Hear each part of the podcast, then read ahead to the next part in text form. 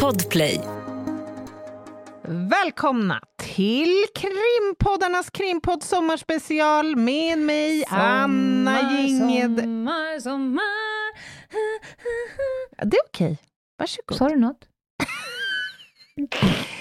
Med mig Anna Jinghede och Lena Ljungdahl.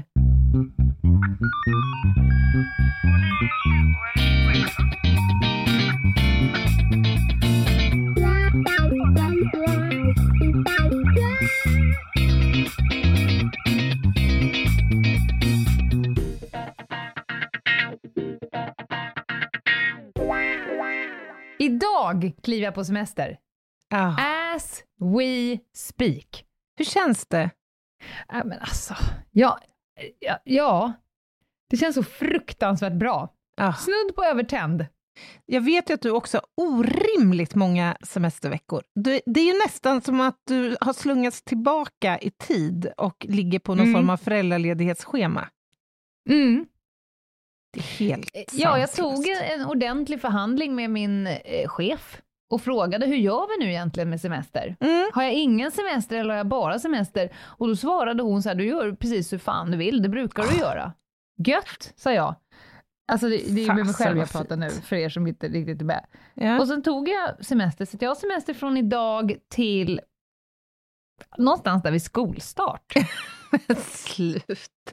Men, men det ska också sägas att jag kommer så att säga nibbla på, Mm. jag kommer inte plocka ur hjärnan ur mitt skallben, utan jag har små grejer, men de är så oerhört små, Oh. så att jag förnekar dem bara och Gud. tänker att jag är ledig nu i orimligt många veckor. Good for you, honey. Framförallt ska jag inte resa någonstans, åka tåg, leverera powerpoints och hålla Nej. på med det där.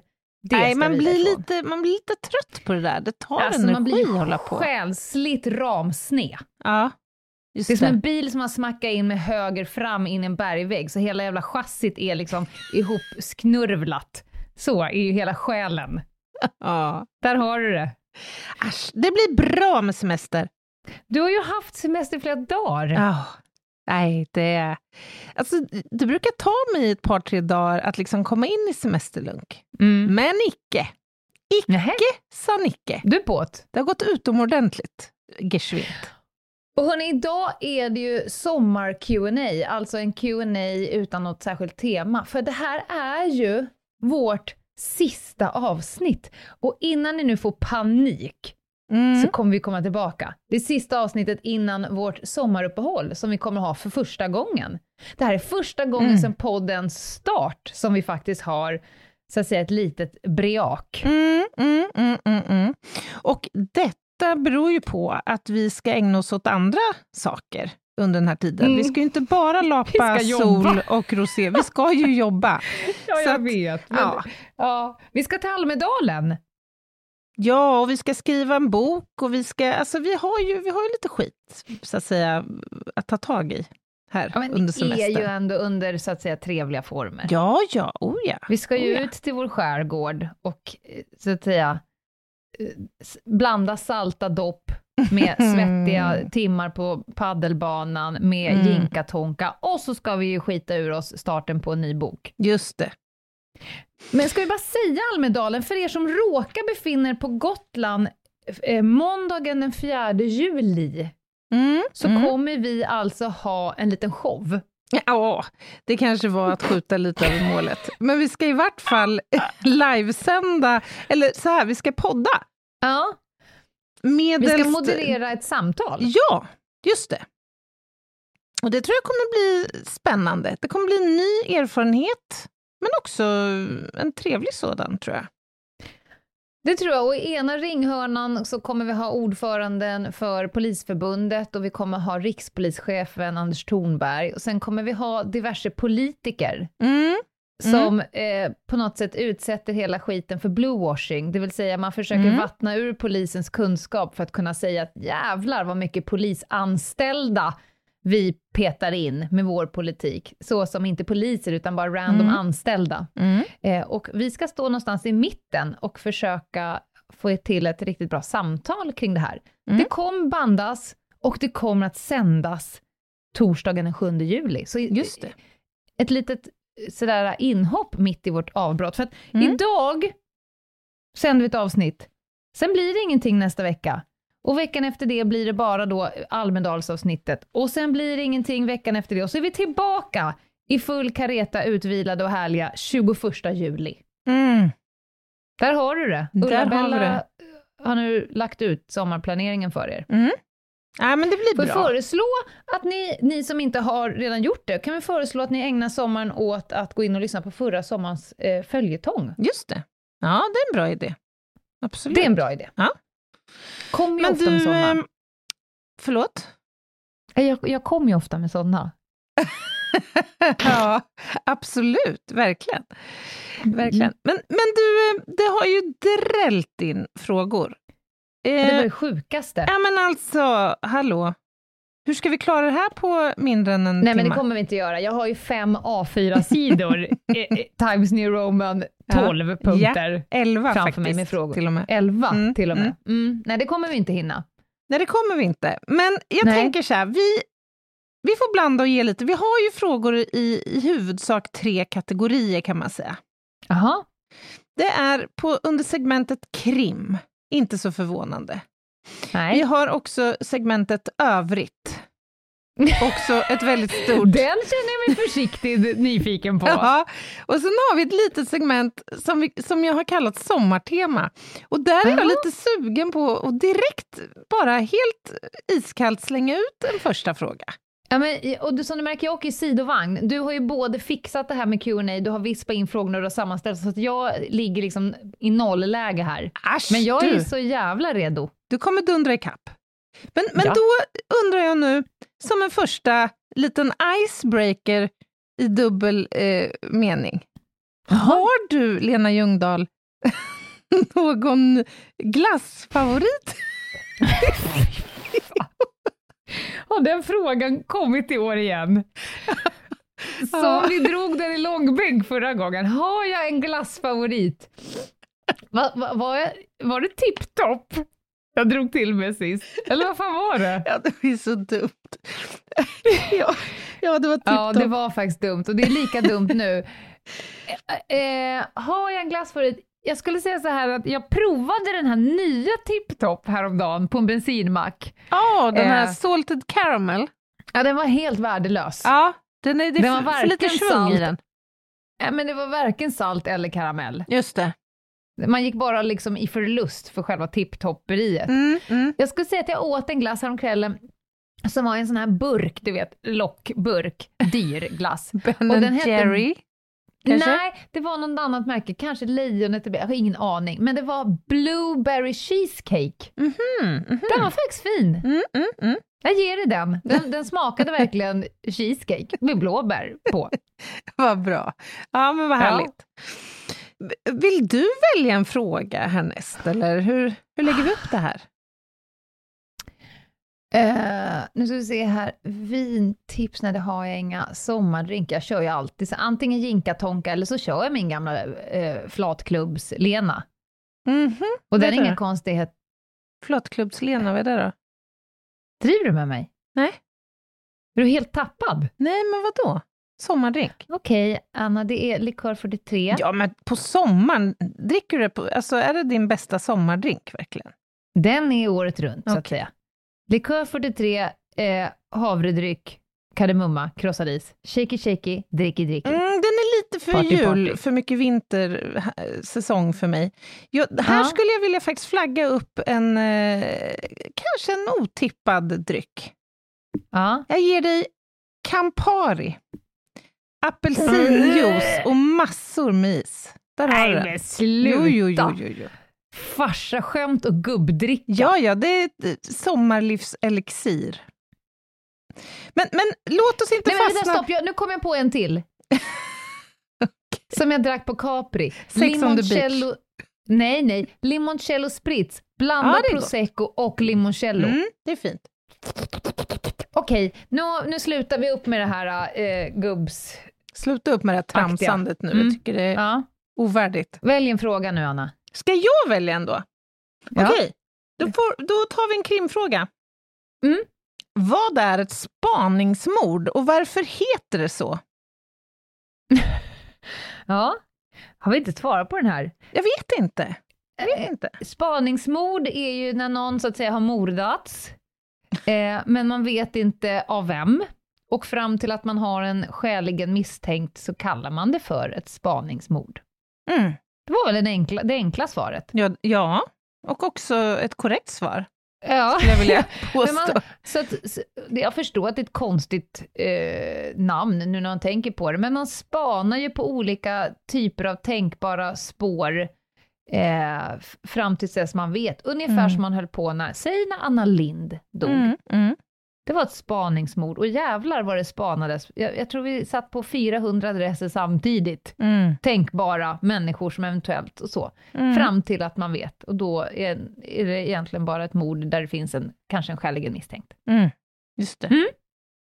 Later that same evening. Du vill att jag ska ta en till fråga, eller? Jag, jag står på stationen fortfarande, jag har inte kommit igång. Kör bara. Vilket är det medialt mest uppmärksammade mordet ni har arbetat med? Och Det, jag tycker att vi kan extendera det till att omfatta brott. Det Mm. medialt mest uppmärksammade. Utredning. Jag kan börja Ja. svara så kan du fundera då. Ja, gör det. Eh, jag tror på rak arm, så här, om jag bara direkt hugger, så tror jag att det är eh, styckmordet i Askersund. Det blev väldigt, väldigt Mm. eh, medialt uppmärksammat, just tror jag på grund av att det var en kvinnlig eh, mördare. Men jag har Mm. också jobbat här sista året, ett och ett halvt åren egentligen, med ett ärende som nu precis har nått media och som kommer kanske eh, framöver att beskrivas som Sveriges största amfetamintillslag. Mhm. Eh, och jag ska in och vittna i det om faktiskt två veckor, precis när vi har kommit hem från Almedalen. Eh, och det här tror jag kommer skrivas om ganska mycket. Det Där har vi haft också. hjälp av FBI och inom chattar och sådär. Det, Mm. det kommer bli... Ja, det är ett intressant case, faktiskt. Då kommer vi få läsa mer om din eh, så att säga, excellens i det caset som jag Ja, då det var ju inte bara min såklart. Det, Jo, det var bara är ju du. många som har jobbat med det här caset. Men det jag kan Såklart. säga... Som alltid är det Som det. alltid. Men, men däremot så kan jag säga att det här är ju ett ärende som jag har lärt mig otroligt mycket av. Jag som har väldigt Mm. lite erfarenhet av att ha jobbat med narkotika. Mm. Om vi börjar där, alltså att jobba i en sån miljö är en sak, men också spårsäkring i en miljö som skulle kunna beskrivas som en amfetaminfabrik. Mm. Alltså det är, det är inte helt givet hur man Ja. går tillväga. Ja, men jag vet inte så här, eftersom jag har hållit på extremt mycket med narkotikabrott så har jag ju haft att göra med eh, allsköns jävla kändisar och där blir det ju väldigt medialt uppmärksammat av just den anledningen. Mm. Att åh nej, inte ska han, håller han på och knarkar? Eller, det blir ju medialt uppmärksammat när vissa Mm. kändisar åker fast för brott. Mm. Eh, men det är också jätte, jätte ointressant. Ja, men det är det. Eh, sen eh, jobbade ju eh, ganska mycket med en, ett ganska känt mord som eh, vinglade runt på Efterlyst vecka efter vecka efter vecka, för det var ju liksom spaningsmordstadiet och det var ju också av en seriekaraktär. Mm. Mm. Eh, och där spanade vi på den som då sedermera blev skäligen misstänkt och dömd och absolut fullblodsgalen. Mm. Eh, så det var ju ganska sådär. Och sen så har man väl tagit ett par sådana här rekordbeslag, men det blir Mm. inte så stora notiser om det, faktiskt. ju Sen har ju jag ju den här Ja, sen har jag ju den här fallenheten för att i samma sekund som vi klappar ihop ett ärende, då är det Mm. som att min hjärna trycker på delete. Mm. Då Mm. minns jag absolut ingenting. Ja, men lite samma här dagen. faktiskt. Mm. Och, och det är därför det är så kul, så här, kan du inte berätta något kul case? Ungefär som när vi, jag pratade om skräckhuset och så vidare. Det är få case som överhuvudtaget finns kvar i mig. Och då ska du veta om att jag kan ha hållit på med ett case i två år. Det är Mm. fortfarande bara klapp omöjligt att hitta dit Mm. i, i, så att säga, i hjärnans veck och vrår. Men det där är så intressant när du säger det. Jag har inte tänkt på det Mm. tidigare. Men jag har ju kollegor alltså som... Alltså här, ganska nyligen så tackade vi av en kriminaltekniker som har jobbat i typ 100 år som tekniker. Mm. Alltså galet många år. Mm. Och Han han är jätte, kan... Alltså. Ja, han är gammal. Mm. Han kan ju plocka fram liksom case han har jobbat med för 30 år sedan och Ja, redogöra nej, men det för dem stört. i detalj. Alltså, han minns Nej, det- spår det- han har säkrat och utfallet i tingsrätten. Ja. Man bara, men wow, hur funkar det, det, är, här? det, är, det är märkligt. Jag kan, eh, då och då så kan jag, så här, det är som att ögonen fortfarande känner igen vissa regnummer och sådär. Jag Mm. kan så här, där är den bilen. Mhm. Jag vet inte när jag spanar på, vet inte varför, men jag Nej. vet att det är en kolabuse som kör den Mm. eh, och att han typ bor i det där området. Mhm. Mm. Men annars så är det, det får liksom inte plats Nej, mer. det behövs Bort inte. med skiten bara när man är klar. Bort Mm. med skiten. Du, ska, ska vi, eller kanske närmast jag, besvara frågan om hur man tränar upp polisens hundar eh, på spermasök? Eh, Ja. Och då ställ, frågeställaren undrar, är det så att säga en burk som, som går runt mellan donatorer av sperma? Bosse, nu är det din tur! Och jag, Ja. så att säga, Jag hoppas att det är så. Ja, alltså jag utesluter inte det. Eh, det har säkert förekommit när man har, alltså vadå? Om, om du nu har din egen hund och du samlar ihop sperma i en burk och går ut och tränar, det har säkert förekommit. Men i grunden så Mm. får man ju detta eh, faktiskt skänkt från fertilitetskliniker och eh, andra instanser. Ja, Och det är väl rimligt. Det är ju rimligt. superviktigt att kunna träna de här vovarna på något sätt. Nu har jag ser en fråga som jag vill ta. Mm. Som spanare, arbetar man växelvis som uniformerad ute på fält? Hur ställer man sig i så fall till foto från allmänhet och risk för att hamna på sociala medier? Jag skulle säga så här, det finns ju ganska många olika nivåer av spaning. Det finns den ganska dolda sidan, det finns lite mer av den ingripande karaktären, om ni tänker mer och det här har vi pratat om så många gånger, vad är egentligen en spanare? Är man Mm. spanare för att man tagit av sig uniformen? Jag skulle säga så här, under alla åren som jag jobbar som spanare, Mm. så skulle det vara absolut uteslutet att sätta på sig en uniform och börja gå och jobba så. Mhm. Det, det enda gången jag har haft uniform på mig under alla år jag varit spanare, det är typ begravning. Mm. Nej, det är när jag vittnar. Mm. Kanske ibland. Eller något, något annat högtidligt fanskap. Men nej, absolut inte. Nej. Och det här med att jag finns på Instagram och att jag heter vad jag heter och så vidare. Det är ju liksom post åren som spaning, spanare. Mm. Anna, jag, hade, jag hade ingenting. Det fanns Nej. inte en bild på mig på nätet under åren jag var spanare. Det Just gick inte det. att liksom frambringa. Så att nej. Men med det sagt så finns det ju människor, om vi tänker typ så här, när jag jobbade på, på nej inte ens då, men det, det finns säkert några lokala poliser som ibland jobbar civilt Mm. och ibland i uniform. Mm. Då ska man komma ihåg att de är inte spanare.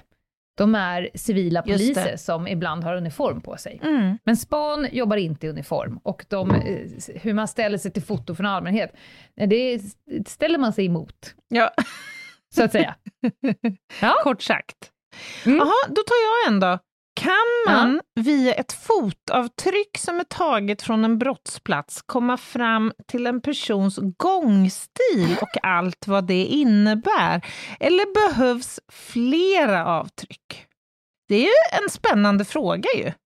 Är det inte? Ja, som gammal eh, arbetare från löplabbet så kan jag säga om personen pronerar eller supinerar. Mm, just det. Utifrån, man kan liksom säga någonting om gångstilen, Mm. kanske från en fotisättning. För att om du pronerar väldigt mycket så kommer din sko att slitas på insidan och då kan jag säga att det här är en person som mest troligt pronerar. Mm. Eller så har personen lånat skorna av någon som pronerar. Det kan man inte utesluta som Anna Jinghede skulle ha sagt. Det kan man absolut inte utesluta och Nej. därför så är det ju att föredra att ha flera.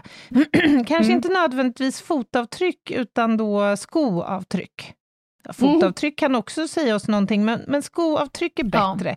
Eftersom, precis som du var inne på, där kan man ju se slitage till exempel i sulmönstret. Och återkommer det här slitaget på samma ställe i, låt säga, tio isättningar av en sko, så Mm. kan ju det kanske vittna om någonting eller säga någonting.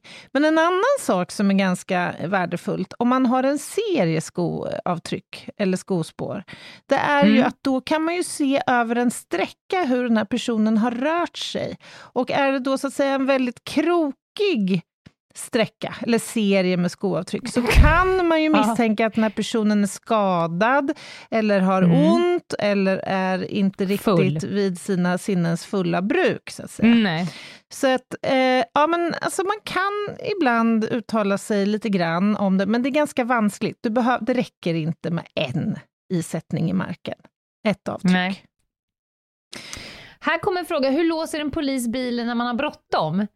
Mm, Ja, alltså svaret blir att ibland kanske man inte ens hinner låsa bilen. Det, det finns lite så här, eh, om man stannar bilen, stänger av motorn, låter blåljusen vara igång, då är det ganska sannolikt att man kommer få batteritorsk mm. och kommer behöva så att säga skamstarta den.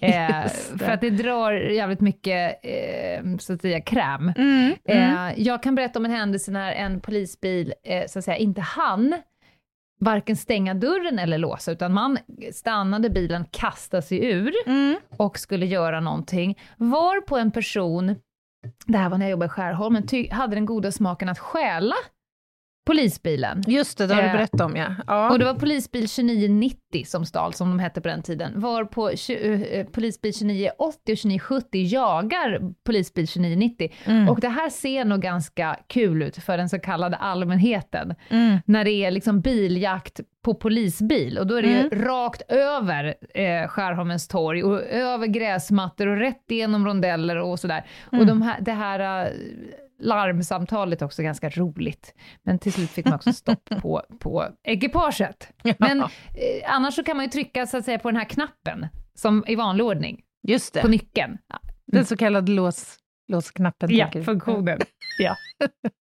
Nej, men det är som du säger, ibland så hinner man ju inte. Det är Nej. bara slänga sig ur bilen i princip. Ja. Hur svårt är det att fastställa dödsorsak om en kropp, alltså en avliden då, legat i ett badrum i sig fyra månader? Hur går man tillväga för att få reda på det? Och det går ganska snabbt att svara på den frågan. Rutinen är ju densamma alldeles oavsett om man har legat en månad eller en dag eller ett halvår på en plats avliden. Misstänker vi brott eller inte kan utesluta att personen har dött till, till följd av yttre eh, påverkan, så att säga, då kommer kroppen att underkastas en eh, rättsmedicinsk obduktion. Och det blir ju i samband med det som man då försöker att fastställa dödsorsaken. Och hur det går till, ja, det sker ju genom en inre och en yttre undersökning av kroppen, inklusive att man kanske tar vävnadsprover, eh, blod och urin för eh, vissa analyser och så vidare. Och sen naturligtvis så kommer ju polisens utredning att bidra till en förståelse kanske. Om en person har varit sjuk till exempel, eller haft ett känt Mm. missbruk, eller vad det nu kan vara frågan om. Men, men förenklat kan man säga att ju längre en person har legat och ju längre förruttnelsen har tillåtits eh, ja, fortgå, desto svårare är det att fastställa Mm. dödsorsaken. Här är en fråga om hur väljer man vilka från till exempel Stockholmspolisen som ska jobba med Stockholmsveckan? Jag antar att du menar på Gotland. Mm. Eh, vilka andra orter, distrikt får stöttning under vissa... Det här är ju väldigt vanligt att, jag vet inte hur vanligt det är i Örebro, men i Stockholm är det väldigt vanligt att man skickas iväg ut i landet för en Mm. klassisk ammunitionsutjämning. Ja. Och det, generellt är det ju distrikt som av någon anledning har väldigt mycket mer människor som far dit under en period. Mm. Och det står inte i paritet till liksom, den vanliga polisstyrkan. Man behöver säkra upp och då kanske inte det finns. Så att jag har ju till exempel jobbat på Gotland. Mm. Jag har varit i Åre och jobbat under perioder. Eh, jag har varit på Sandhamn ute i Stockholms skärgård och jobbat. Jag har fått åka land och rike runt på olika typer av eh, Eh, Reggae-festivalen i Uppsala behöver folk. Det finns inte tillräckligt mycket narkotikapolis i Uppsala utan då får man komma från Stockholm och så vidare och så vidare och så vidare. Det beror på om man behöver en typ av expertis eller om det är bara manskap, alltså numerär som man Mm. behöver flytta. Eh, det finns också jättemånga poliser som på sommarna blir sjöpoliser. Mm. För att det behövs inte lika många sjöpoliser mitt i vintern. Och då är man det liksom för, en, för ett par veckor under sommaren, istället för att jobba som vanlig ordnings eller IGV-polis. Ja, och, och numera Ja. så är det ju så att vi tillhör ju en och samma myndighet. Exakt. Så att, och det innebär ju att i vår anställning så har vi alltid lite ett hot vilandes över oss om att vi kan så att säga kommenderas till en annan del Mm. av landet eller för en Mm. avgränsad period eller för ett visst uppdrag eller så. Så att, eh, det är inte Mm. jätteovanligt egentligen. Och för, viss, för många är det också extremt välkomnat, för att det är ganska kul att jobba på en annan ort och få lära sig lite annat. Verkligen. Eh, jag har haft skitroligt de gångerna jag har fått fara runt. Ja, men det är också intressant därför att, jag menar, som i vårt fall, som teknikerna då, vi, Mm. vi, får ju ofta, vi tas ju oftast i anspråk till Stockholm. Och det Mm. beror ju på att de ofta är så, alltså de går på knäna helt enkelt och behöver Mm. stöttning. Och då innebär det för våran del att vi får ju eh, träna oss på och jobba med oftare skjutningar, till exempel, vilket ger oss också erfarenhet och kunskap som vi behöver för att kunna hantera de brotten hos oss. Och vi får också rutin och se hur andra jobbar. Alltså det kan vara fråga om val av metoder och hur man lägger upp insatser och så. Det är väldigt nyttigt. Det är lite Mm. som en kompetensutveckling faktiskt. Det är det absolut. Jag tror till och med att när jag jobbade på Ravekonventionen, eller ungdomssektionen som det hette, så ingick vi någonting som hette typ kompetenslyftet. Mhm. Där man var lite ansvarig för att utveckla nya metoder och sprida dem i övriga Sverige. Så att då vart man bara så här, varsågod, ni får Östersund. Och så Mhm. fick man åka dit och faktiskt jobba med de lokala förmågorna i Östersund och lära Mm. upp, så här kan man tänka kring det här nya preparatet, eller för att komma in i lägenheter på bästa sätt och så vidare. Mm. För att det inte ska, och nu tror jag att det är ännu mer så, att det ska vara mycket nationell taktik, att det inte ska finnas egna små öar här och där, utan har man en bra metod nere i Trelleborg, då ska den fan upp till Kalix. Så Mm. är det bara. Mm. För vi har ett gemensamt mål. Exakt. Eh, Hörru, ja. ja, ja, kör du. ja, jag tyckte att det var en intressant fråga, men nu har jag tappat bort den igen. Vänta, så ska jag hitta den. Jo, får man på polisutbildningen eh, eh, utbildning att använda ordet initialt så mycket som det går? Det är en rolig fråga. Jag förstår Verkligen. precis var den, var den kommer ifrån. Och jag ska försöka ge det ett nyanserat svar. Nej, det är såklart att man inte får det. Men när man blir polis så läser man också en shitload av juridiska, eh, så att säga, texter. Mm. Och man läser eh, lagböcker, man läser förarbeten och så vidare. Och med det, varken du vill eller inte, så kommer du också att anamma ett helt nytt nomenklatur. Du kommer Mm. börja svänga dig med ord som du aldrig någonsin har använt. För att i förarbetet till en paragraf som du ofta använder så står det till exempel i initialskedet ska du bla bla bla. Mm. Eh, istället för att lagstiftaren skriver från början är det bra om du. Eh, Mm. och, och vissa anammar ju här i absurdum. Jag tror varken du eller jag är liksom högkonsumenter av just initialt. det men säkert men- andra skitnödiga juridiska begrepp som vi inte tänker på. Men man blir lite impregnerad i Ja, jag skulle sån här säga det. fikusspråk. Det är nästa... Fikusspråk också! Mm. inte fikonspråk då. Nej, Nej. fikus. Det är roligare.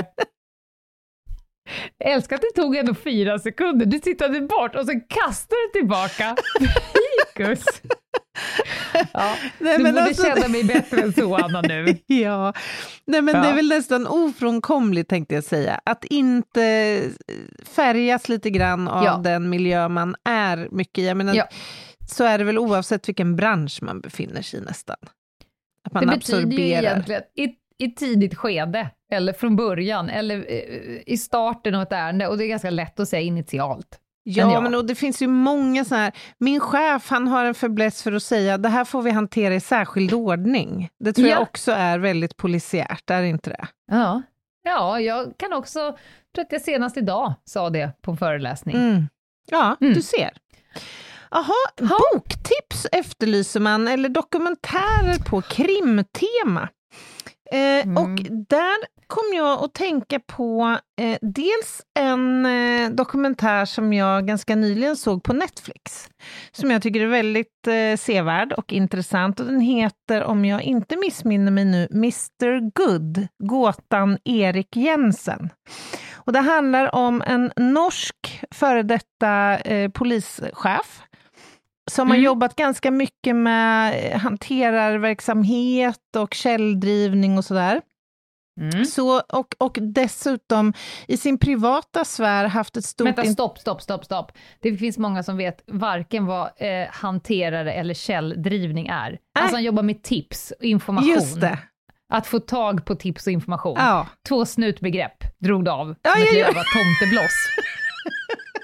Källdrivning Bra, och Lena. hanterarverksamhet. Ja, jag, jag, går runt, jag går ut och hanterar lite nu Bosse. Okej, lycka till. Ja, förlåt, jag kände att jag behövde sätta en kontext. Ja, Nej, men det här Mm. tangerar ju begrepp som infiltration, informatörsverksamhet och så vidare. Mm. Och han är ökänd i, inom norsk polis för att ha liksom jobbat lite i gråzon. Tänt Mm. lite på eh, regelverk och så vidare. Och kollegor vittnar om att man inte riktigt hundra har känt sig säker på om man har jobbat som polis eller faktiskt har så här, mer allierat sig med liksom, the dark side. Ja, det finns, det finns svenska Erik, kan jag säga. Det gör det ju. Och, och Jajamän. Erik här Jensen, han var ju en biker på sin fritid. Så att han Mhm. hade det nog lite trixigt här. Han var ju polare med många av de här i liksom eh, Hells Angels och så vidare. Och samtidigt så, så var han också erkänt asvass på att driva utredningar rörande både vapenbrott och narkotikabrott, grova narkotikabrott eh, väldigt offensivt och framåt. Men nu ska du ge tips, inte en hel Just resumé. det! Eh, Ja, Precis, men se tänkte, den. se den, därför att Ja. här kommer lyktan att landa på Erik Jensen eh, och hans vara och icke vara i detta. Mr Good, gåtan Erik Jensen och Söndagsvägen av Peter Englund vill Ja. jag slå ett slag för. Som belyser ett eh, ganska intressant mordärende som du och jag har gjort som ett Ja, i specialavsnitt. Dagens brott. I Dagens brott. Ja. Det var ett jätteintressant avsnitt. Den, då, den ska jag se. Kan Mm. jag få ge två Läsa. tips? Mm. Ja, varsågod. Läsa. Ja, det är absolut inte krim. Eller Nej. jo, jag, jag har en information. Vi har nytt releasedatum för boken. Just det, det har vi. Ja. Andra, andra september istället för åttonde så Mm. släpps Någon måste dö. Mm. Det är mitt ena tips. Håll ut Ja. till den andra september.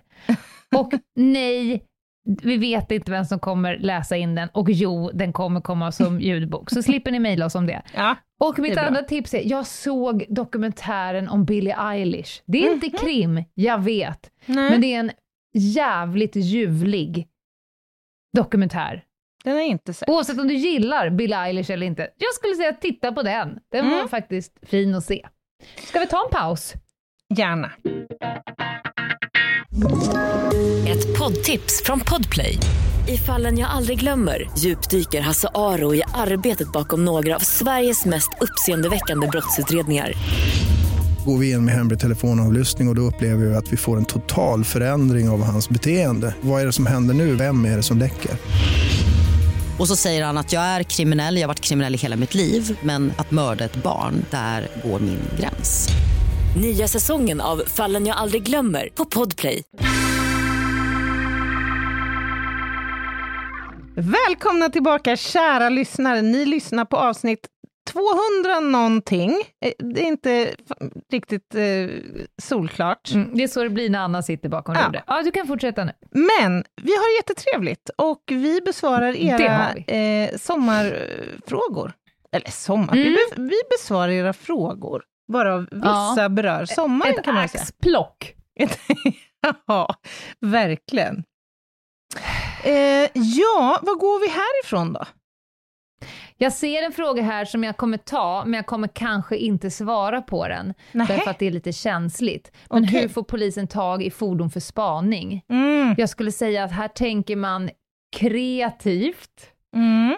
eh, och man ser till att få tag i de fordon man behöver för att kunna, så att säga, göra sitt jobb. Just Och det. ibland behöver man ett fordon för en kort tid på grund av någon särskilt ärende. Ibland behöver man fordon för lång tid. Mm. Och det här är inte information som skall ut, utan Nej, det, det finns onödigt. olika typer av spaningsfordon.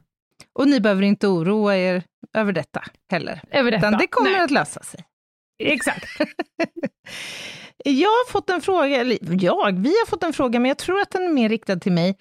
Ser skador olika ut beroende på hudfärg? Och är kunskapen om eh, denna eventuella skillnad då eh, utbredd?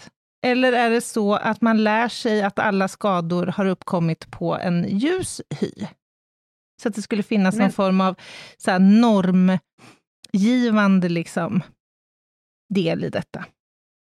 Ja, Mm, får jag, Jag skulle- ta en gissning? ja.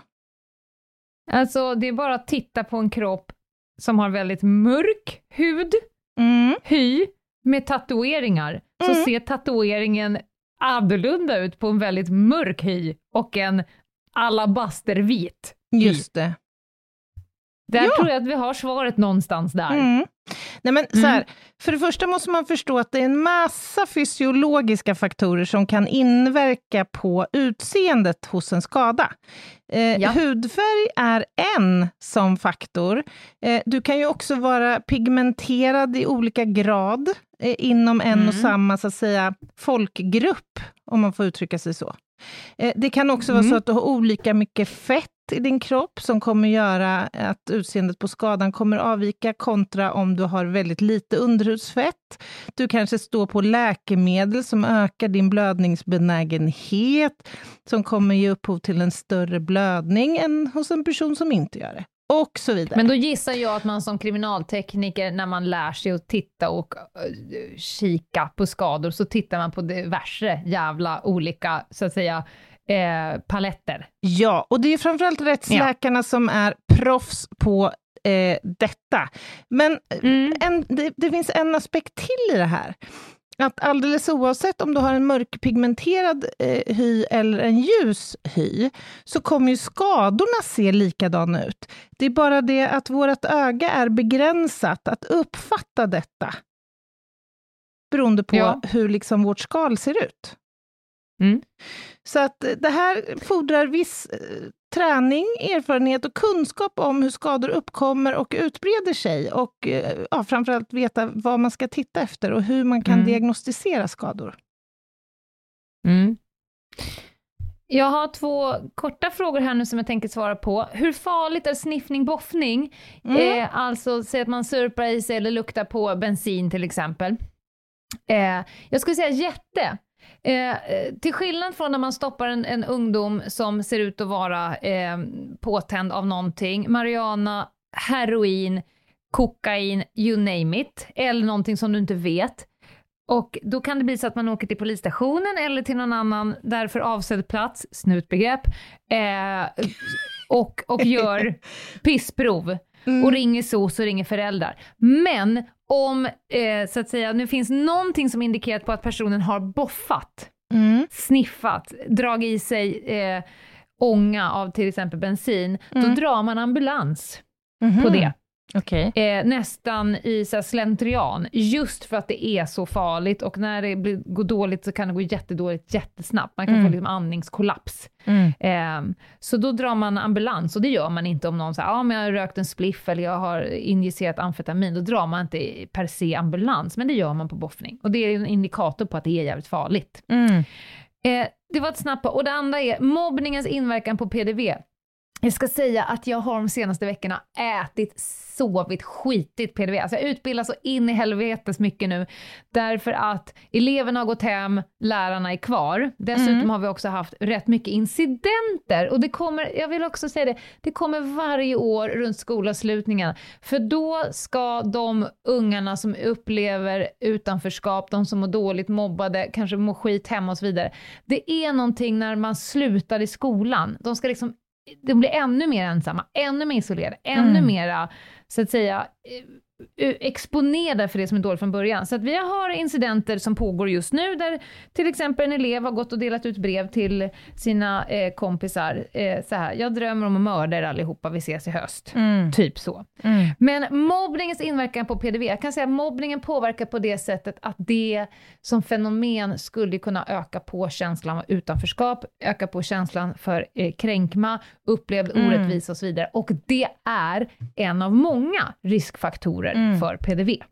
Just Så det. man kan ha ett system i skolan där man kan så långt det bara går få bort Mm. mobbningen, så har man i alla fall eh, så att säga fimpat en av de riskfaktorerna som finns Mm. för skolattacker. Bra svar. Vilket olöst brott skulle ni vil- vilja vara med och lösa? Eh, ja, jag har ju nämnt ett eh, mordärende tidigare som jag väldigt gärna skulle vilja se eh, klarades upp och det är mordet på Katrin da Costa. Ja, det har du sagt. Ja, men också Johan Asplund. Den tio, vad var han, 11-åriga pojken Ja. som försvann spårlöst eh, 1980 och där dessvärre Kvicks erkännande gjorde att eh, flera år eh, av utredningstid och ännu mer ovisshet för de anhöriga eh, uppkom.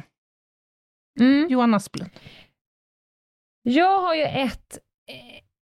Eh, eh, jag har i flera år spanat på en person eh, Mhm. som alltid klarade sig så att säga undan, därför att han var rätt slipad. Okej. Eh, de tog ganska många så att säga runt om. Det måste ju han- kännas jädrigt triggande för en. Ja, På andra eh, sidan, ja. så att säga.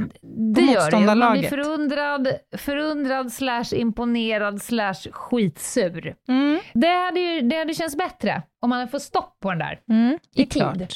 Det är klart. Mm. Känner du till att det kommer en ny lag? Första augusti. Fy fan vilken generell fråga. ja, men jag är ju inte klar Utan än. att veta alls vad du svarar på så säger jag ja, jag känner till att det kommer nya lagar. Då och då faktiskt. Det kommer en lag 1 augusti, eller så här, frågan lyder, vad tycker ni om den nya lagen från och med 1 augusti som innebär att man som invandrare ska kunna bli utvisad om man begår ett grovt brott? Och jag är inte superpåläst om detta. Jag vet Nej. att regeringen har beslutat om en så kallad lagrådsremiss som handlar om Ja. att man ska kunna skärpa reglerna för utvisning då, eh, på grund av eh, brott. Och det här är Mm. ju för att då eh, i större utsträckning kunna liksom möjliggöra att utvisa utlänningar Ja. som begår brott i Sverige. Mm.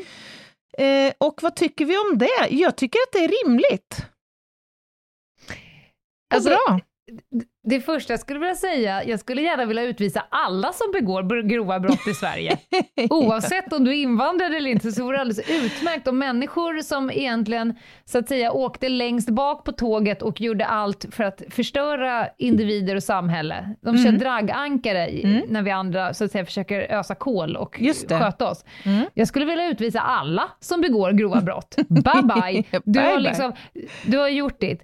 Eh, och nu, nu, det här handlade ju då om invandrare. Jag är absolut inte tillräckligt påläst, men har... Eh, att komma till Sverige med akt och med liksom så mening att på något sätt suga ut systemet, att komma hit för att begå brott. Mm. Då, då säger min magrupp att men då får du nog liksom passera, gå, Mm. eh, så att säga. Eh, det är inte rätt sak att göra. Det är ungefär som att jag skulle åka till Italien och från att jag landar på Italiens mark kommer jag göra allt jag kan för att få så att säga pissa på Italien. mm. Det hade känts fel för mig, Mm. kan jag säga. Mm. Jag hade på något sätt känts förnimt en, en känsla av att jag får nog fan ta och sköta mig här nu. Mm. Men, skulle jag vilja säga i samma andetag, jag tror inte på det här att bara för att man är invandrare så ska Nej. man gå runt och ha någon form av tacksamhetsskuld. Det, tror finns så jag jävla mycket svenskar som är totalt klappodugliga Mm, samhällsmedborgare. Eh, och, och de skulle jag också gärna vilja utvisa. Mm. Men jag kan inte säga mer än så om den här eh, lagförslaget, för jag har inte påläst. Men det Nej. känns i grunden som att, ja, då är det väl bättre att vi, om du är en invandrare som begår massa skit, ta bort det då. Kan vi kanske vi ta tio goda som Mm. inte begår massa skit Mm. istället? Mm. Eller hundra, för den delen. Nej, och som sagt, jag vet inte heller mer konkret vad lagen innebär, men jag vet att man i alla fall eh, vill sänka straffvärdesgränsen för när utvisning kan ske, eh, från då 12 till 6 månaders fängelse. Eh, Ja, men att- det är ju ja. inget nytt, ska jag säga. Nej, nej. Det, nej, nej.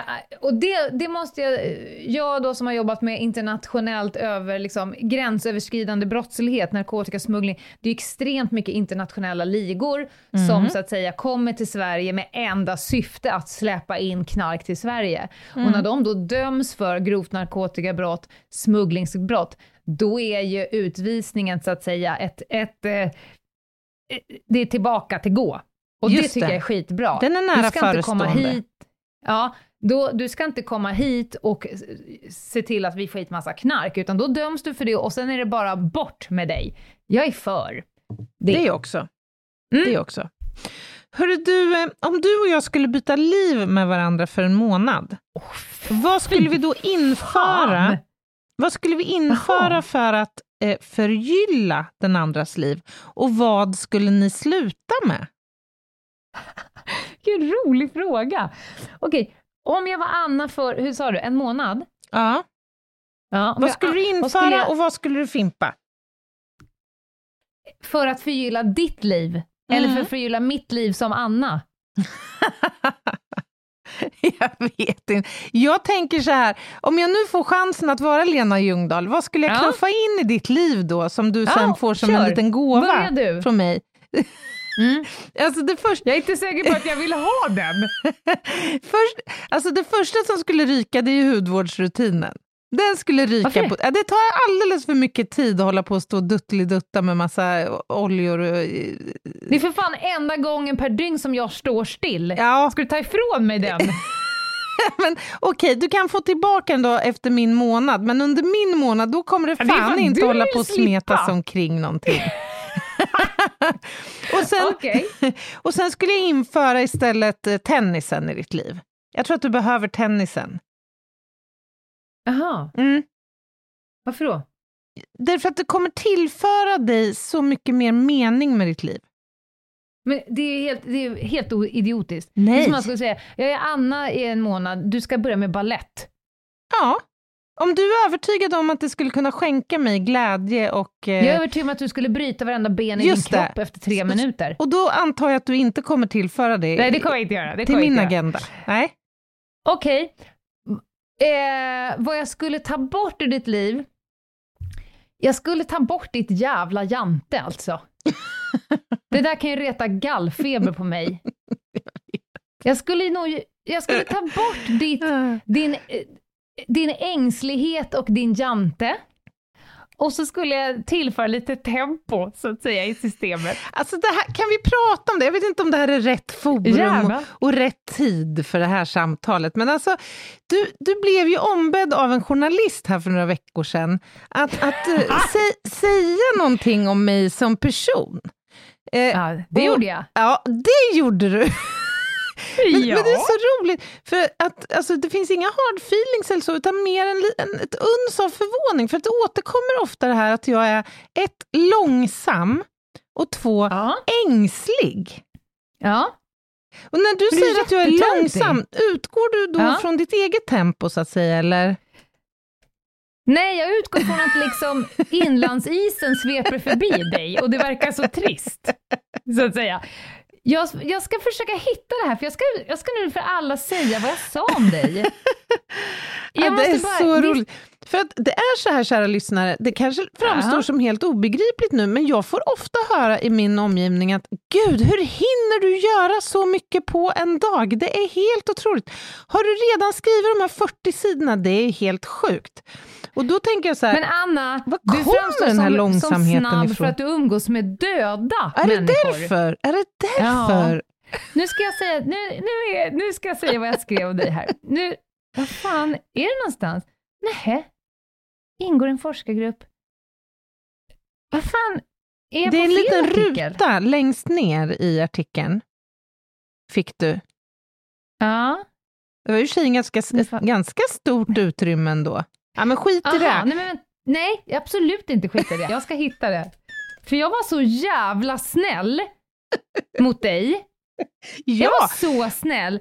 ja. Och så fick jag respons från Anna. Det enda du gjort, du hade klippt ut de tre orden som var negativa. Ja, Inte nej. ett ord om att jag skrev att du var liksom världens mest fantastiska person, utan det här, nu, jag tar tillbaka det här. Det jag, säger, det jag skulle införa i ditt liv, ja. det jag skulle införa i Ja. Liv, det är att sluta att se livet som att glaset är halvtomt. Du är så in i helvetes negativ. Nej, det Jo. är jag väl inte. Jag läser nu vad jag sa om Anna Jinghede. Anna är en skön cocktail av det djupaste intellektet och det varmaste hjärtat. En teoretisk praktiker och nörd. En glassig Hollywood-diva förklädd till polis i Cordura. Hon bär alltid på en snusdosa och ett rosa läppglans. Det är Anna i ett nötskal. Ja. Jag avgudar Annas outsinliga kraft och mod att stå upp för det rätta Ja. och för den svage. Jag ser på när hon stångar pannan blodig och tar strid efter strid i jakt på förändring för individ och samhälle. Det kan gå trögt ibland. Anna är långsam och onödigt ängslig. Hon är långsam. Lite mera gas, Ja. lite mindre jante tack. Anna har en ovana att säga ja till allt och alla och sen blir hon förvånad över att det saknas luft i hennes system. Ja. Förändring kan vara lite jobbigt för Anna, men ge henne ett glas vin och en natts sömn så brukar hon mjukna. Jag skulle inte klara mig utan Anna. Vi kompletterar varandra på alla plan. Hon tycker om människor, det gör inte jag. Okända nosar upp Anna och berättar hennes livshistoria, då har jag redan gått hem. Vi träffades 2019 i en tv-inspelning. Kärlek uppstod och podden föddes ur frustration över alla dåliga krimpoddar som fanns där ute. Att vi var skitroliga kom som en glad överraskning. Sen ringde Norstedts och så blev vi den nya deckarduon. Mm. Och av allt det här så skickar du ett surt sms till mig. Vadå är långsam och ängslig? Det var inte surt. Det var det inte. Men jag har ju sett det där. Det har, det har liksom eh, uppkommit ibland. Ja. Just det här med långsamheten. Nej, alltså, fine. Det, det är säkert min sjukdomsinsikt som brister. Jag, jag är bara väldigt förvånad över eh, epitetet. Nu går vi vidare. Nu går vi vidare. Och frågan är, ska vi gå vidare? Ska man bjussa på en liten lista som hänger kvar från förra veckan, eller hur? Ja, med tanke på att du sa att det var snusktema så tror jag folk så att säga har suttit still i en vecka och bara väntat på att få detta. Men jag ser Mm. också att vi har 600 frågor kvar. Men vi Mm. kan väl helt enkelt bara göra så här att alla frågor som vi inte har svarat på, och det är kanske 80% av frågorna Det kanske vi har fått, har vi 800 frågor. Ja, men det är typ så. Vi spar dem och sen så eh, kör vi dem när vi kommer tillbaka. Och har ni fler frågor till oss så finns ju så att säga inlägget att finna både på, i Facebookgruppen Över min döda kropp, eftersnack och diskussioner, men också på Instagram. Så kan ni så att säga, ni som inte har skickat in en fråga har nu chansen, för vi kommer ju ha Q&A med jämna mellanrum framöver, för att vi tycker att det är ett ganska kul Det är jätteroligt. Och vi älskar era frågor. Vi har två supersnabba som jag tycker ändå Ja. förtjänas att tas. Och den Mm. första lyder, blir det någon Jag svarar sommar... tipptopp. Ja, det är, Ja. rätt, det är rätt svar. Blir det någon sommarföljetong i år? Svar nej. Tyvärr så kommer det inte att bli det. Men som du väl, tror jag, nämnde, Lena, inledningsvis, så är det ju ett gott råd att eh, lyssna på Initialt. förra året. Nämnde jag det? Ja. Ja. Och kom, Ja. kommer ni köra en livepodd 2.0? Och där Vadå ute väl, på vägarna? ja, alltså där får vi väl säga Mm. att det vet vi inte. Det kommer vi säkert göra. Förr eller senare. Någon gång blir det väl en... Tror du inte? Ja, ja, det så att säga, jag hade sånt oerhört motstånd, men det var ju väldigt kul. Mm. Det blir nog inte samma, utan Nej. för den känner jag mig rätt klar med, utan vi kanske eh, hittar på en ny show. Ja, Och föra ut på 2.0. vägarna. Ja, Ja. jag ja, lyssnade inte? på... Men det kommer nog eh, gå lite vatten under bron. Ja, men det behöver det nog göra. dess. För det, Ja. det där var ju en urladdning och det kräver ju också en viss grad av energi för att faktiskt styra upp en livepodd. Ja. Jag lyssnade på Alex och Sigge häromdagen. De firade då tio år och utlovade tio nya år. Poddår. Mm. Det är ändå... Det, det, Det imponerar. Utlovade de eller hotade de? de utlovade. Okej. Uh. Ja. Men du, eh, det är torsdag Ge oss idag. en lista nu, Anna. Ja, men jag undrar lite, ska vi säga någonting innan vi rullar över på listan om månadsmerchen? Ja, visst fan, den är nästa fredag eftersom det är midsommarafton eh, så att säga i Tothomolla. Mm. Eh, så att den första juli kommer sista månadsmerchen ut för säsongen och den blir eh, ganska över min döda kropp inspirerad. Så kan vi säga. ja, så kan man säga. Och den kommer också komma ut i någon form av sommar... Det blir väl förmodligen keps och linne och tischa kanske. Mm, det kan det sånt. bli. Det kan Och det sen bli. så är vi tillbaka med, med merch någon gång i augusti. Mm. Mm. Ja, men så får det bli. Men du, Men även om vi inte kommer podda i, i sommar så skulle jag verkligen eh, föreslå att ni hänger med oss på Instagram, för där kommer vi ju, eh, både du på ditt och jag på mitt och vi på vårt, uppdatera vad vi håller på med. För det, vi är ju Ja. av en, den bjussiga karaktären. ja, och vi kommer ju att livesända en del. Det vågar vi ju lova i sommar. Framförallt vecka, när är det vi ska skriva hela veckan? Vecka 28, Mm. hörni. Där kan ni boka upp oss varje dag. För när bil, Ahlgrens bilar åkt in och det har blivit lite jinka-tonka, då kommer det ju lajvas. Ja, det kommer på att Axel von Fersens gamla stol. Absolut, Mm. absolut. Men du, eh, jag bjussar på säsongens sista veckans lista då. Åh, jag lutar mig tillbaks. Annas jätte, jätteviktiga lista. Jag skulle vilja att vi pratar lite om det snuskiga. Det som vi eh, omges av hela tiden, men som vi inte alltid ser. Men som vi ändå behöver få kännedom om är förbannat snuskigt. Och eh, vi börjar på plats nummer fem. Men vänta! Gud, jag kände hur bara en, en sten sjönk i mitt hjärta. Jag, just nu Ja, så gick jag från att jag trodde att du skulle ha liksom, så att säga, en ekivok lista. Ah. Nu låter det som att du ska prata om äckliga saker. ja sn- snuskiga, snusket. Ja, fy fan vad du Är du besviken? mark. Oerhört! är det munhåla?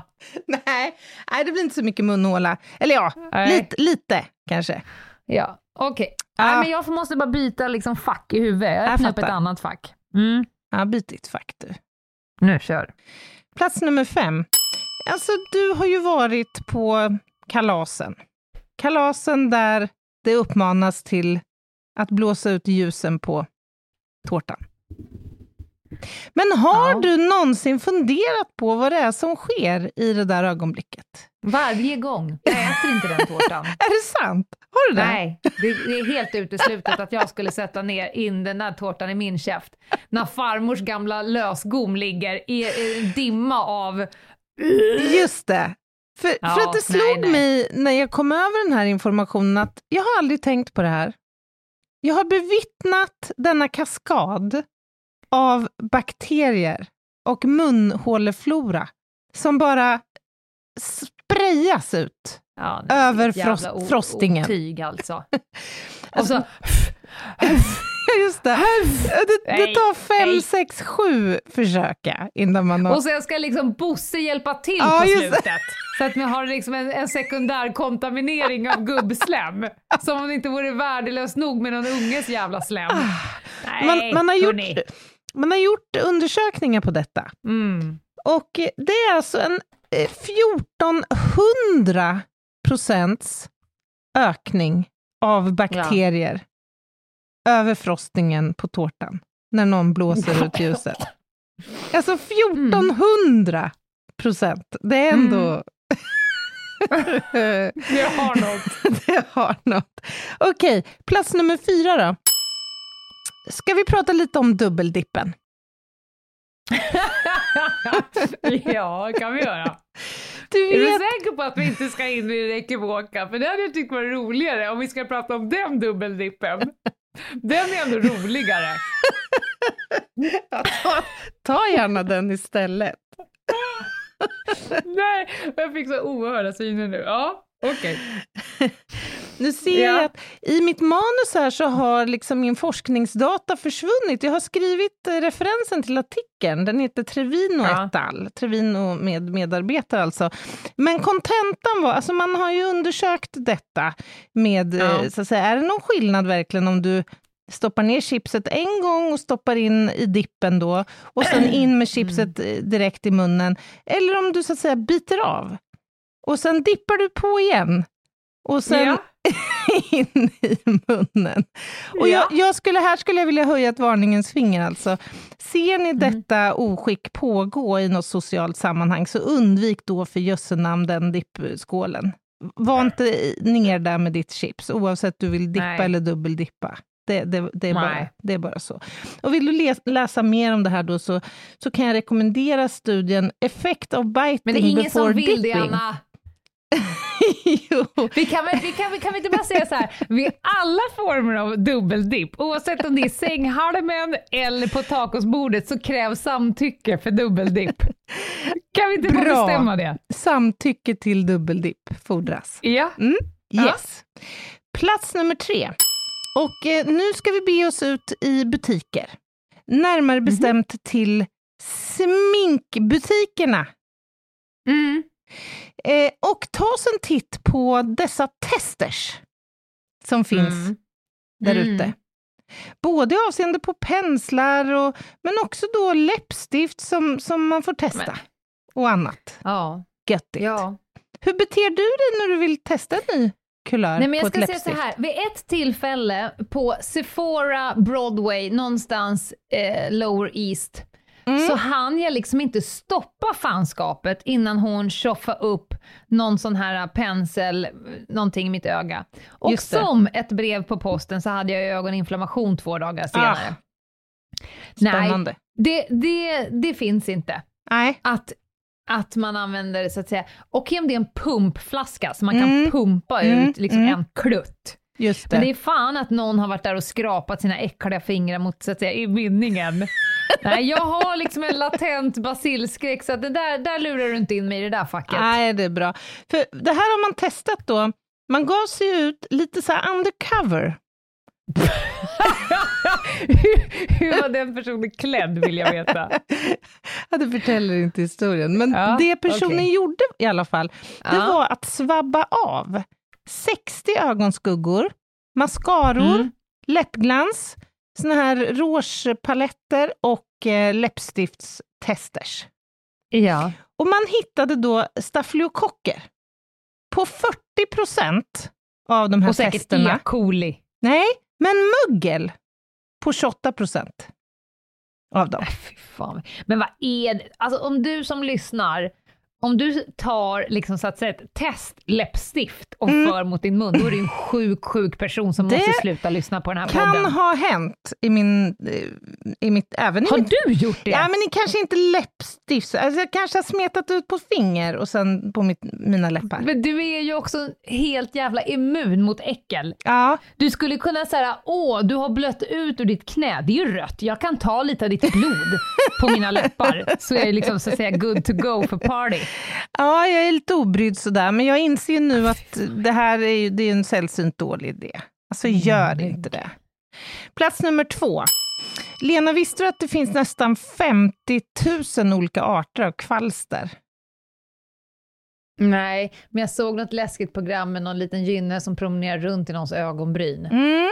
Det finns två. nej, det, blev, det, stö, det störde mig faktiskt. Ja, det finns två stycken som lever i människors ansikten.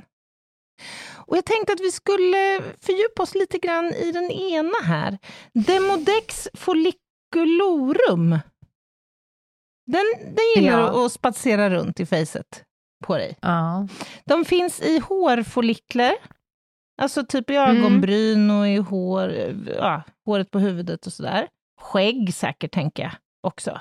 Mm. Och sen är de liksom begravda där. Man ser dem ju naturligtvis inte för, för med blotta ögat, men de, de gottar runt på liksom vårt ansiktssekret, alltså, särskilt om vi är lite oljiga i ansiktet, för det gillar de.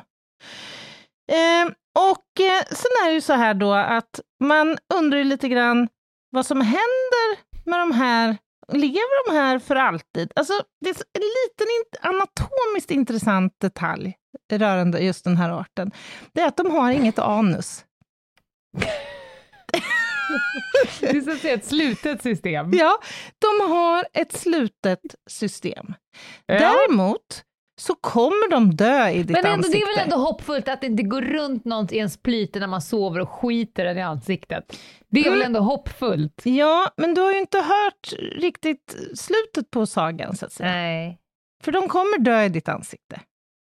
Ja. Och när de dör, då blir det som en kaskad av klo- Då kloak. kommer allt! Ja, visst, då kommer hela kloakinnehållet att lägga sig som en eh, sprayad capricciosa i ansiktet på dig. Ja, det är det som händer. Mm, Alltså man, jo, jo, jag läste en studie, då har de alltså tagit in 253 frivilliga studiesubjekt. Och de hittade då DNA från den här arten på 14 procent av de här individerna. Ja. Eh, och ja, och det här kommer då från deras innehåll. Alltså de har Men, Anna- briserat i ansikten.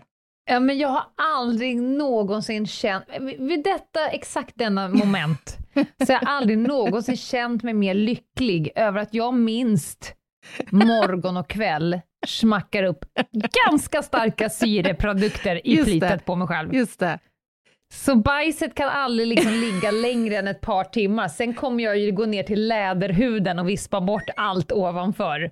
Du må tro att Du vill- däremot, du däremot hjärtat, du har ju fekalier i ditt face från förra julen Ja, som ligger och ja, ja. skvalpar runt. Ja, ja, du må tro att det ligger och göttar sig i mina ögonbryn nu. As we speak. Fan vad äckligt. Okej, Ja. plats nummer ett. Låt mig Mm. då få delge dig några väldigt spännande resultat från en helt nypublicerad artikel i eh, tidskriften The Journal of Da- Dairy Food and Environmental Sanitation. Mm. Som alltså har gjort upptäckten att på ett random kontor, arbetsplats Mm. alltså, Mm. så hittade man bakterier på 90 procent av eh, kaffemuggarna. Och 20 procent av dem uppvisade fekalier. De rena? Nej, eh, jag utgår från att det här är de som liksom är i bruk. Ja, Ja, okej. eller ja, det, fram, det framgår faktiskt inte i den eh, Det är illa nog att det är bajs Ja. på 20% av alla muggar. Ja. Och, eh, det, men det, det, det som eh, de trycker på här, det är att det här beror mycket på, på... det trycker på. Alltså, på många av de här eh, arbetsplatserna där de har eh, svabbat av för att se liksom, vad som finns på eh, muggarna.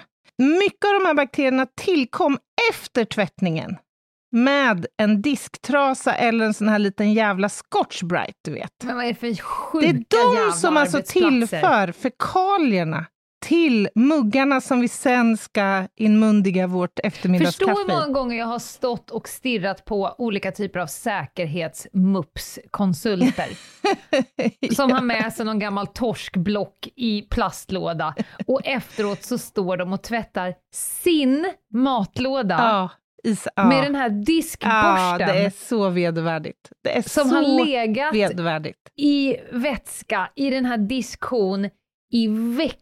Ja, ja. Svappar du av din, ditt kärl Ja. för att sen stoppa i ny Uh. ren mat. Man här, borde ju bara gå rakt till giljotinen som någon form av nödslakt för Homo sapiens. Om du inte kan tänka längre än så, då bör du inte leva längre, för vi kan inte avla på din genpool om du beter dig på det här sättet. nej, det är så vi... Och på, Bort. på något sånt här office så konstaterar de att coliforma, alltså tarmbakterier, Bajs. fanns Ja. Ja, det fanns på 20 procent av kopparna före viping med disktrasan. Och på 100 procent av dem efter wiping. alltså jag vill bara säga så här, jag har ju inte disktrasa i mitt eget hem. Jag jobbar ju i hushållspapper Ja. och kökshandduk och de byts dagligen. Ja. Och jag skulle också vilja slå ett slag för i samma med andetag här, för kundvagnarna som vi går omkring med på ICA.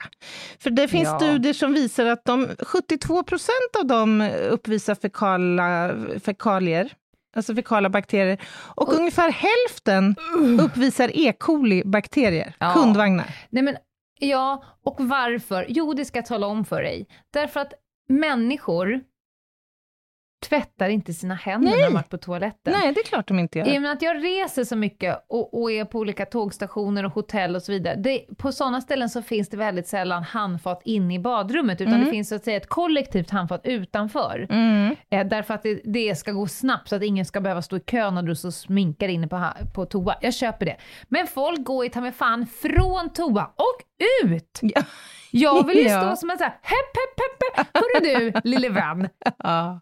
Dina jävla bajsbakterier som du har på dina tassar nu, de kommer hamna på kundvagnen, kaffemuggen, Ja. dörrhandtaget som jag säger, tvätta händerna! Ja, era nej, det är äckliga jävlar! Det är ja, obegripligt. det är fan i mig obegripligt. Ja. Hur man inte kan tvätta sina händer när man varit på toa. Uh. Och, och då vill jag säga som kvinna, rör man inte ens sina så att säga könsdelar. Nej. Vi står inte och håller i snippis. Men det folk Och- inte förstår är ju att det är ju inte bara ens egna könsdelar som utgör ett hot i, i den här du frågan. De utgör ju Nej. egentligen det minsta hotet, i alla fall för dig Ja. själv. Utan det är ju Ja. handfatkranen, toapappershållaren, eh, dörrhandtaget och eh, toaringen som du behöver vidröra kanske för att... Ja. Mm. Och sen måste du tvätta dig. Mm. Ja, Mm. skammen för fan om du inte tvättar händerna när du varit på toa. Sluta bara, jag blir upprörd. De kan bli utvisade. Ja, då, det blir absolut. utvisning, lagförslag, 1 augusti 2022. Alla ni som inte tvättar händerna på toa, ut med er bara. Bye bye! Åh, Hej då! Vad är uppfriskande att få röra upp känslor på det här viset med den sista Var, listan. var det så, var det nu så att sista eh, veckans lista inför sommaruppehållet vart en mashup med en rövhatt? Ja, det blev det ju. Var det det vi gjorde? Ja, det var ju precis det som skedde här. Annas jätte, jätteviktiga lista. Rövhatt. Otroligt! Vilken Vad vi crossover-grej. kan, hörru! Vilken grej! Verkligen, verkligen. det Men här du, är eh, content. Ah, det här är content. Snart är vi ju tillbaka på riktigt och då törs vi ju utlova Ja. en massa spännande teman för podden. Vi har fått en Vi massa har önskemål. jättemånga spännande intervjuer. Mm, det har vi. Vi har spännande intervjuer. Vi har fått önskemål om att prata om just infiltrationsverksamhet. Eh, Mm. Om eh, ordningsvakter kontra väktare, om eh, Avhoppare. eh, rättspsykiatri, om avhoppare Mm. och en massa annat. Så vi har ju en massa spännande att leverera till hösten. Ska vi säga något om hösten? Vilken jävla höst vi kommer ha. Ja, den kommer vara späckad av spännande Vi ska vara med saker. på Nyhetsmorgon. Ja, bland annat. Alltså, det kommer hända så mycket i höst.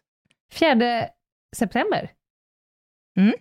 Kom, är det Nyhetsmorgon? Det är två dagar efter boksläpp. Spännande. Mhm, mhm. Ja, vi kommer ha en, en packad höst. det kommer det, vi det, vi kommer vara packade i höst, så att säga. Det också. Och ni kommer vara med på hela Mm. resan, kan ni tro. Och med det får vi önska... Nej, vi måste ju också säga att vi har en mejladress. Hej at ljungdalochginghede.se. Den kommer vi kolla av hela sommaren. Det går bra att mejla oss. Eventuella samarbeten till samarbete at ljungdalochginghede.se. Och med det sagt så får vi väl inte göra så mycket annat än önska er en fantastiskt fin sommar. Bra sagt, Gingis. Bye!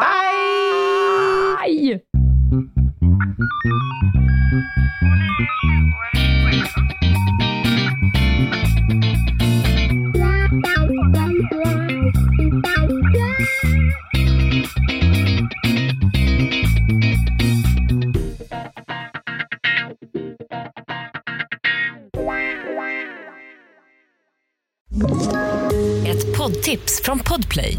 I fallen jag aldrig glömmer djupdyker Hasse Aro i arbetet bakom några av Sveriges mest uppseendeväckande brottsutredningar.